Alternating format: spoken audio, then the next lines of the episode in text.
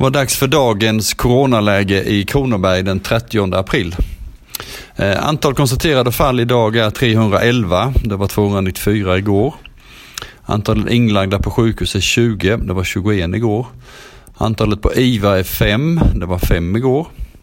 Antalet avlidna är 24. Det var 22 igår.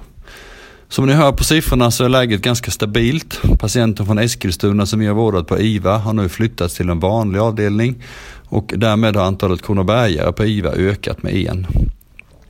Det är två personer som har avlidit, en på sjukhus och en utanför. Det är ju alltid svårt att dra några slutsatser så här bara från dag till dag. Jag tänker därför försöka göra en lite längre jämförelse nu på söndag där jag tittar på vår utveckling i ett längre perspektiv.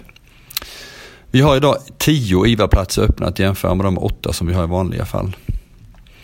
För att avlasta ambulansen så har vi upphandlat särskilda taxibilar som är utrustade och förarna utbildade för att köra covid-19 patienter.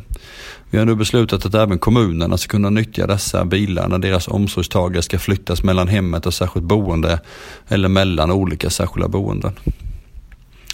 Idag kommer regionens nya informationskampanj att starta. Den riktar sig till alla invånare i länet i olika kanaler till olika kategorier. Men innehållet är detsamma. Vi vill ha hjälp att få Sveriges planaste kurva. Vi kommer att synas och höras på många olika sätt med denna kampanj. Det är en viktig del för att påverka invånarna till att hålla sig till de riktlinjer som finns. Igår eftermiddag kom den nya skatteunderlagsprognosen till oss. Den innebär att våra skatteintäkter minskar med 199 miljoner kronor i år jämfört med budget. När man sedan betänker att kollektivtrafiken har en prognos på minus 91 miljoner kronor på grund av minskade biljettintäkter så förstår ni att regeringens 15 miljarder inte räcker så långt. De ger oss endast 100 miljoner. Med dessa siffror kan vi konstatera att även om vi räknar med att staten täcker alla extra kostnader för covid-19 så har vi en prognos på minus 10 miljoner. Då har vi ändå inte räknat med vad det kommer att kosta att rädda kulturen, flygplatsen och så vidare. Detta innebär att det är dags att ta ett gemensamt ansvar, rulla upp ärmarna och försöka hitta de smarta lösningarna.